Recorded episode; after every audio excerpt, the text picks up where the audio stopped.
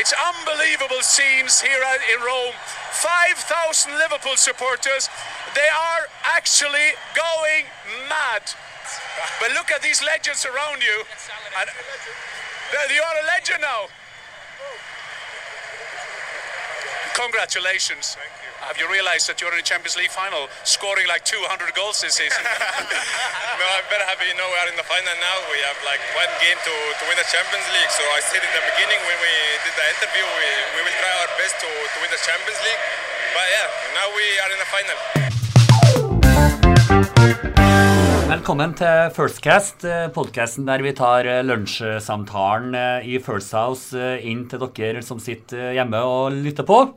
I dag har vi en spesialversjon av podkasten hvor vi skal diskutere litt fotball og Liverpool og finalen mot Real Madrid i Kiev. Med meg i studio så har jeg kollega Ketil Linseth, og vi har fått celebert besøk av deg, Jan Åge. Jan Åge Fjørtoft, det er lettere å si hva du ikke har gjort i norsk idrett opp igjennom, men nå er du først og fremst i studio fordi du er ekspertkommentator og ringside på de største fotballbanene. Hvordan var det å være på indre bane etter Roma-Liverpool i, i semifinalen? Ja, Det var sånn cirka som det er formidla hjem. Eh, av og til så må jo man Jeg, jeg, jeg si at det hadde vært verre hvis jeg hadde hatt en jobb. Fordi at jeg, jo, jeg kommer fra et lite sted. Jeg har vært fotballfan hele livet. Jeg har ergra meg over Liverpool, som på midten av 70-tallet slo alltid mitt lag, Leeds United. Det erga meg gul og grønn. Og så sto du der plutselig så nærme det som er historisk for alle klubber. Liverpool er jo veldig stolt av sine fem seire i, i finalen, europacupfinalene, serievinnercup, Champions League-finale. Så da var hovedjobben å prøve å formidle dette hjem. Og da var jeg akkurat sånn fotballfan som alle andre. Og det var, det var helt fantastiske scener. Og noen har spurt har jeg gjort det samme om det var Roma. Ja, det tror jeg har gjort. Om jeg har hatt samme tilgangen til Roma. Men så er det sånn at det, vi nordmenn har et veldig spesielt forhold til Liverpool Football Club. Om du er så en Manchester United-fan eller Leeds United-fan, så kjenner jo du historien til Liverpool. Men det som var unikt med dette, det var jo at uh, du fikk snakke omtrent med alle spillere. Jørgen Klopp kom og ga deg en klem. Og så det var helt elleville scener. Og dette klippet har også blitt sett titalls av millioner ganger på YouTube i ettertid. Ikke bare i Norge, men i, i, i Europa. Så hvordan, hvordan, klarte du å få til det klippet som uh, alle andre TV-stasjoner i verden misunner deg nå? Nå har jo jeg, som dere, veldig opptatt av hemmelighet på mine metoder. Hvordan jeg gjør ting. Så jeg vil ikke avsløre det. Jo da.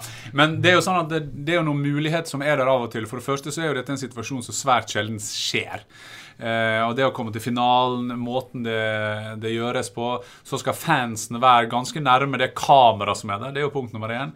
Det er sånn at eh, hvis du ser på en friidrettssending og en langrennssending, så er det et sånt system på hvordan gjestene kommer til de forskjellige kanalene. De blir geleida bort. Bolt gjør intervju, Usain Bolt gjør intervju med alle. Mens i Champions League er det på en helt annen måte. Der må du ha en albue. Du må være utrolig høflig. Du må ha, ha, være klar på hva du vil. Du må ha gode kontakter. Det er mange sånne tilfeldigheter som gjør det. Og akkurat i denne semifinalen så er det sånn at vi har satt en del av et selskap som heter MTG, som er Norge Sverige og Danmark. Og jeg hadde gjort uh, tre semifinaler, så nå skulle jeg stå over. Så jeg skulle egentlig ikke ha noen intervju nå. Så jeg skulle ikke inn i det som heter flash. Jeg skulle ikke inn der som spilleren da pliktoppfyllende kommer ut og gjør intervju med mer eller mindre eh, godt hell. Eh, men så når jeg kom eh, og begynte å se det, så så jeg det at jeg skulle ha et livekamera der jeg skulle intervjue Jamie Carriger etterpå. Og da fikk jeg sånn, du vet sånn gamle Donald Duck, når du ser at du har sånne gode ideer. Da kom det noen sånne ting rundt i hodet mitt som tenkte at det, hvis jeg er heldig med plasseringa av det kameraet, så er jo det mulig at vi kanskje klarer å formidle dette her hjem. Hadde jeg spurt Uefa om det, så hadde de helt sikkert laga en ny regel, men det fantes ingen regler for det. Så da Det eneste fellen jeg da kunne gå i, det var det var det at, jeg, at det var jeg personlig som dro og henta gjestene. Så det visste jeg på forhånd. Så da så gjør jeg ikke det. Eh, så kan det helt sikkert diskuteres når man ser øynene mine hvordan jeg diskuterte. Men til slutt så er det sånn at du har jo bygd opp en som reporter, eller uansett hvilken jobb du har, så bygger du opp tillit til folk. Og Liverpool har jo jeg følt seks-sju ganger denne sesongen. Så, så, etter hvert så var jo de villige til å bare sende det bort. Og så hjalp jo det selvsagt at det ble en sånn Liverpool-hjørne i og med at jeg hadde vinnere av Champions League-finalen i 2005, Jamie Carriger og Jon Arne Risrer. Og, og resultatet ble jo åpenbart eh, populært, som sagt. Så, så, de som ikke har sett det, våre lyttere, kan eh, gå inn og finne dette klippet på, på YouTube. Men eh, Ketil, eh, du er jo også Liverpool-supporter, men du satt jo foran TV-ruta og så på Jan Åge som formidla dette. Hva tenkte du når du, når du forhåpentligvis ikke slo av TV-en etter kampslutt? Nei, heldigvis så kjenner jeg den jo ganske godt, så jeg kan jo på mange måter tenke at her er det en som er veldig fornøyd med det han har fått til. Det tror jeg han har all grunn til å være. da. Men, men, jeg hadde et sånt spørsmål eh, egentlig til Jan Åge. Det gikk jo mer på sånn eh, altså Du har jo gjort, du har jo vært programleder i Grand Prix, og du har gjort ganske mange forskjellige ting, vil jeg si. Eh, men, men her, her, har du vært med på noe som på en måte har gitt like mye oppmerksomhet noen gang som det her eh, scenen som, som eh, utspant seg i, i, i, Roma, i, Roma, den kvelden?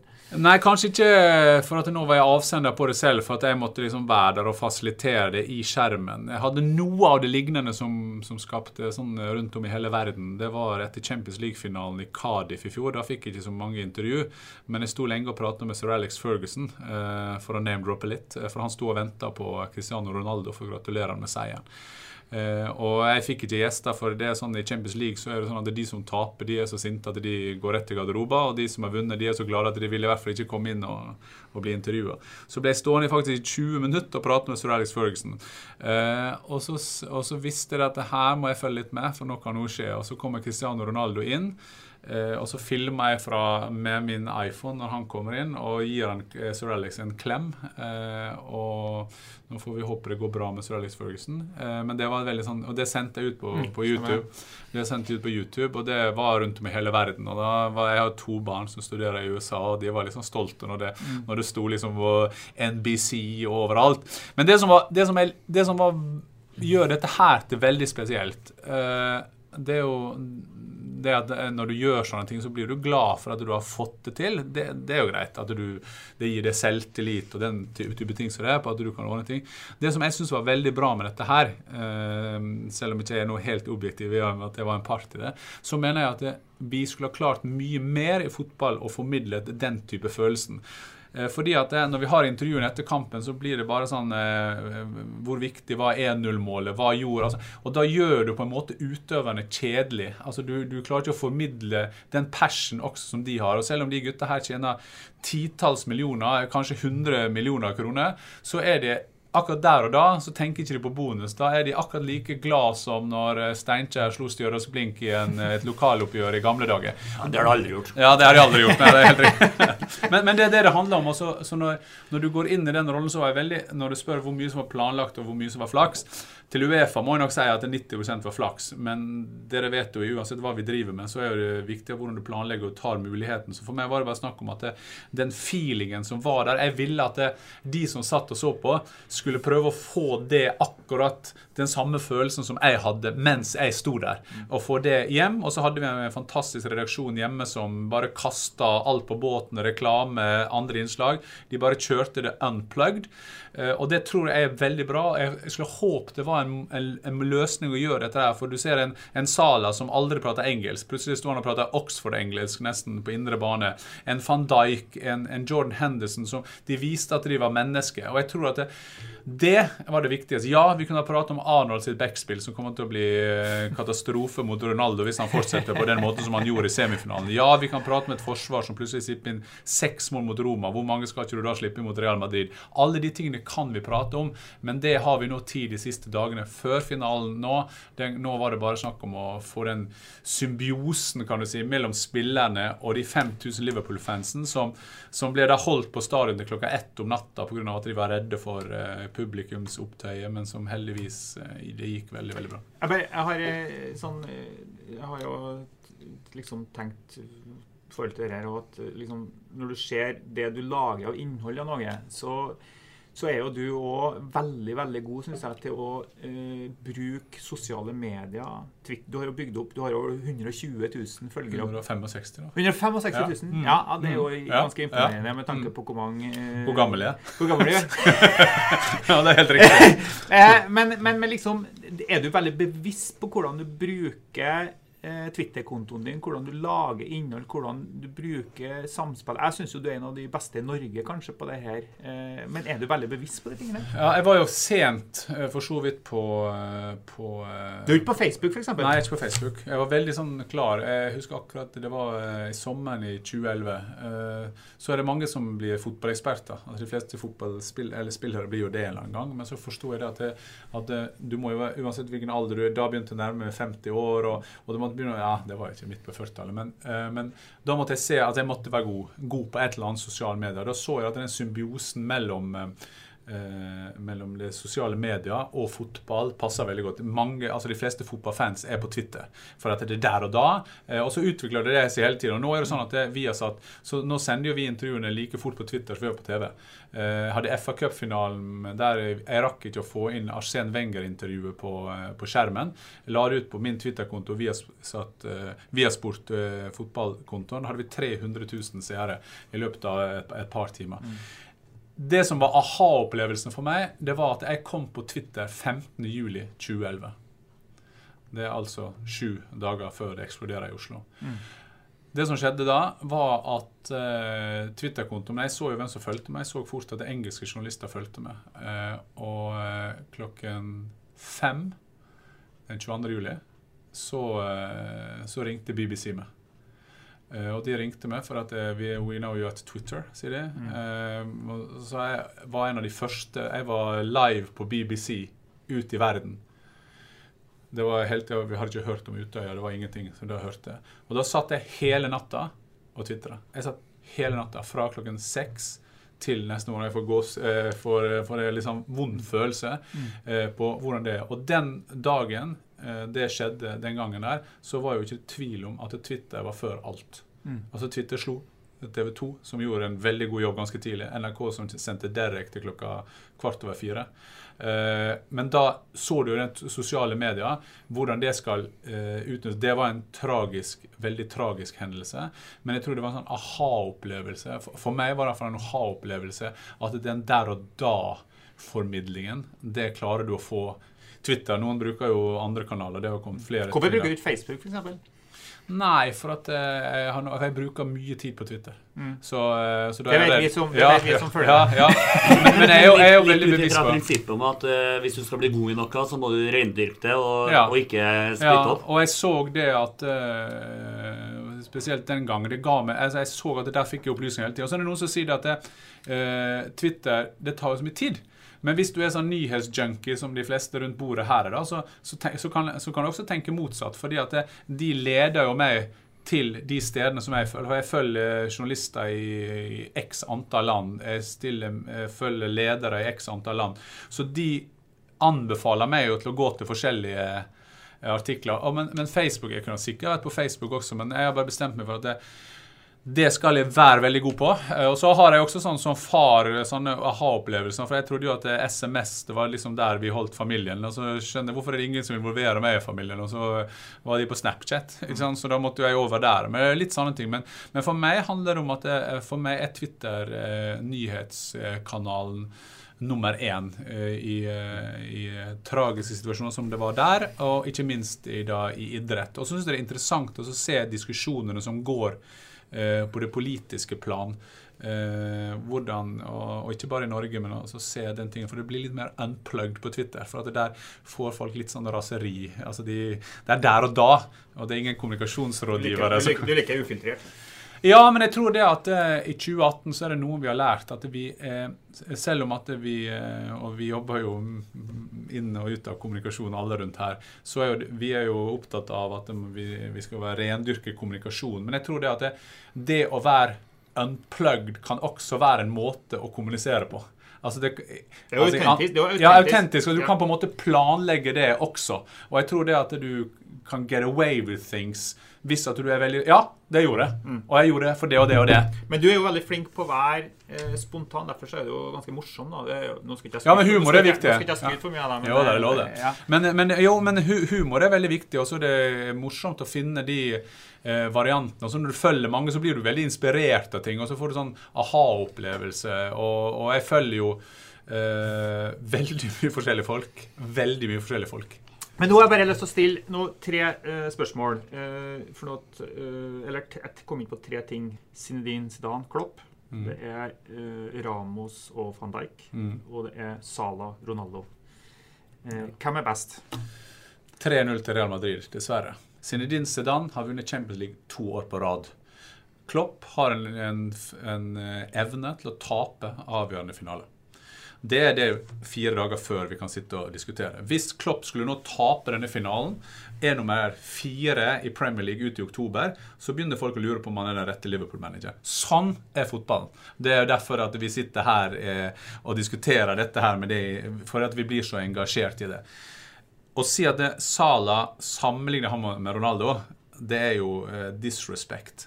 Fordi at hvis, det, Sala, Sala skårer like mange mål som han har gjort nå i 15 år til, da begynner han å få det antallet som Ronaldo har skåret. Men så er det sånn at det er en Champions League-finale, vinne en Champions League-finale, kanskje Sala skårer seiersmål i Champions League-finalen, da går du automatisk opp noen steg. Fordi vi, Det er viktig at vi er nøkterne i analysen. Nå har altså Real Madrid slått ut PSG, Juventus og Bayern München. Liverpool har slått ut Apoel, eh, Vatikanet og Legoland. Nei, nå er jeg litt stygg, da, men uansett da så har City var jo et, Ja. er jo et godt lag. Og som Roma et godt lag. Og Roma var et godt lag. Helt enig. Men eh, Real Madrid har hatt en usedvanlig sterk vei inn. Van Dijk, Ramos er også klar seier til Ram Ramos. Jeg tror at det, av alle spillerne jeg har sett live som har overraska meg mest når jeg ser vedkommende, så er det Ramos.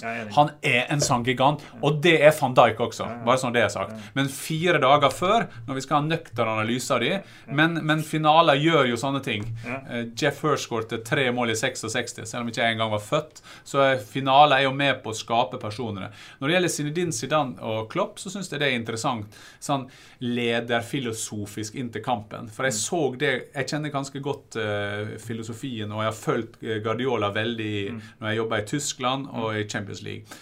Det er jo mannen som kommer med plan A, B, C, D, E, F, G og sånn underpunkt på hver plan.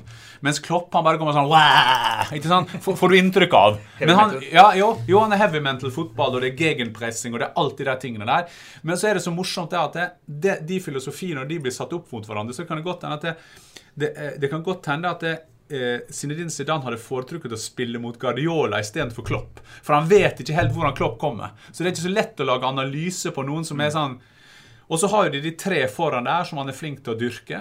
Eh, og så har han van Dijk som gjør en bra jobb. Så er jo jeg livredd hadde jeg vært Liverpool-supporter for han keeperen. Altså Karius er verdens hyggeligste kar og gjorde fantastisk i Mainz, men det er liksom sånn panic on Titanic innimellom. Ikke sant? Men har jo da eh, bank i bordet for Liverpool-fans holdt seg veldig bra.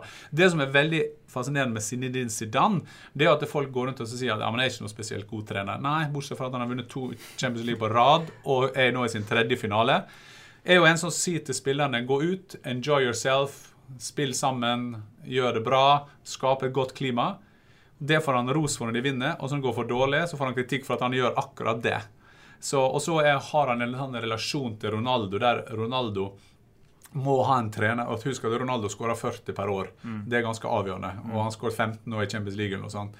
Så Så det at den relasjonen mellom Zinedine Zidane og Cristiano Ronaldo skal ikke undervurderes. For Ronaldo får gjøre akkurat sånn som han vil, og blir hylla for det. Men husker Zidane sa i, Zidane sa i mars Nei, i, desember, når ikke Ronaldo hadde skåret så mange mål, så sa han tenker vi teller på slutten av sesongene.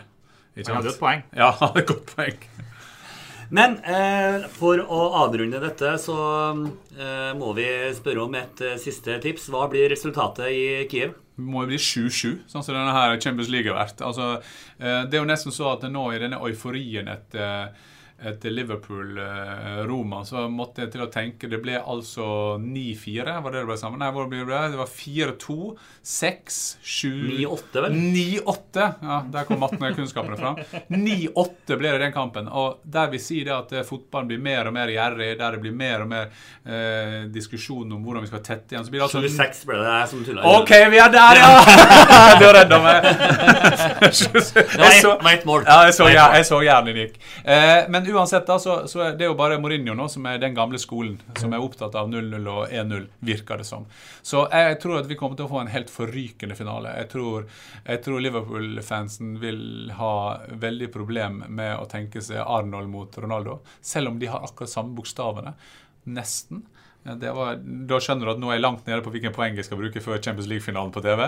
Eh, men, men eh, det er sant at jeg har tenkt på i semifinalen at Arnold mot eh, Cristiano Ronaldo det blir litt skummelt. Og så, og så tror jeg at det, det som kan Tror du ikke Ronaldo eh, eh, starter i midten? Og, og, og, Jo, men han kommer fort til å skjønne hvor det svake Hvor det- dyret er. seg ja. Det er ganske enkelt i jungelen, da antilopen eh, blir fort analysert. Altså.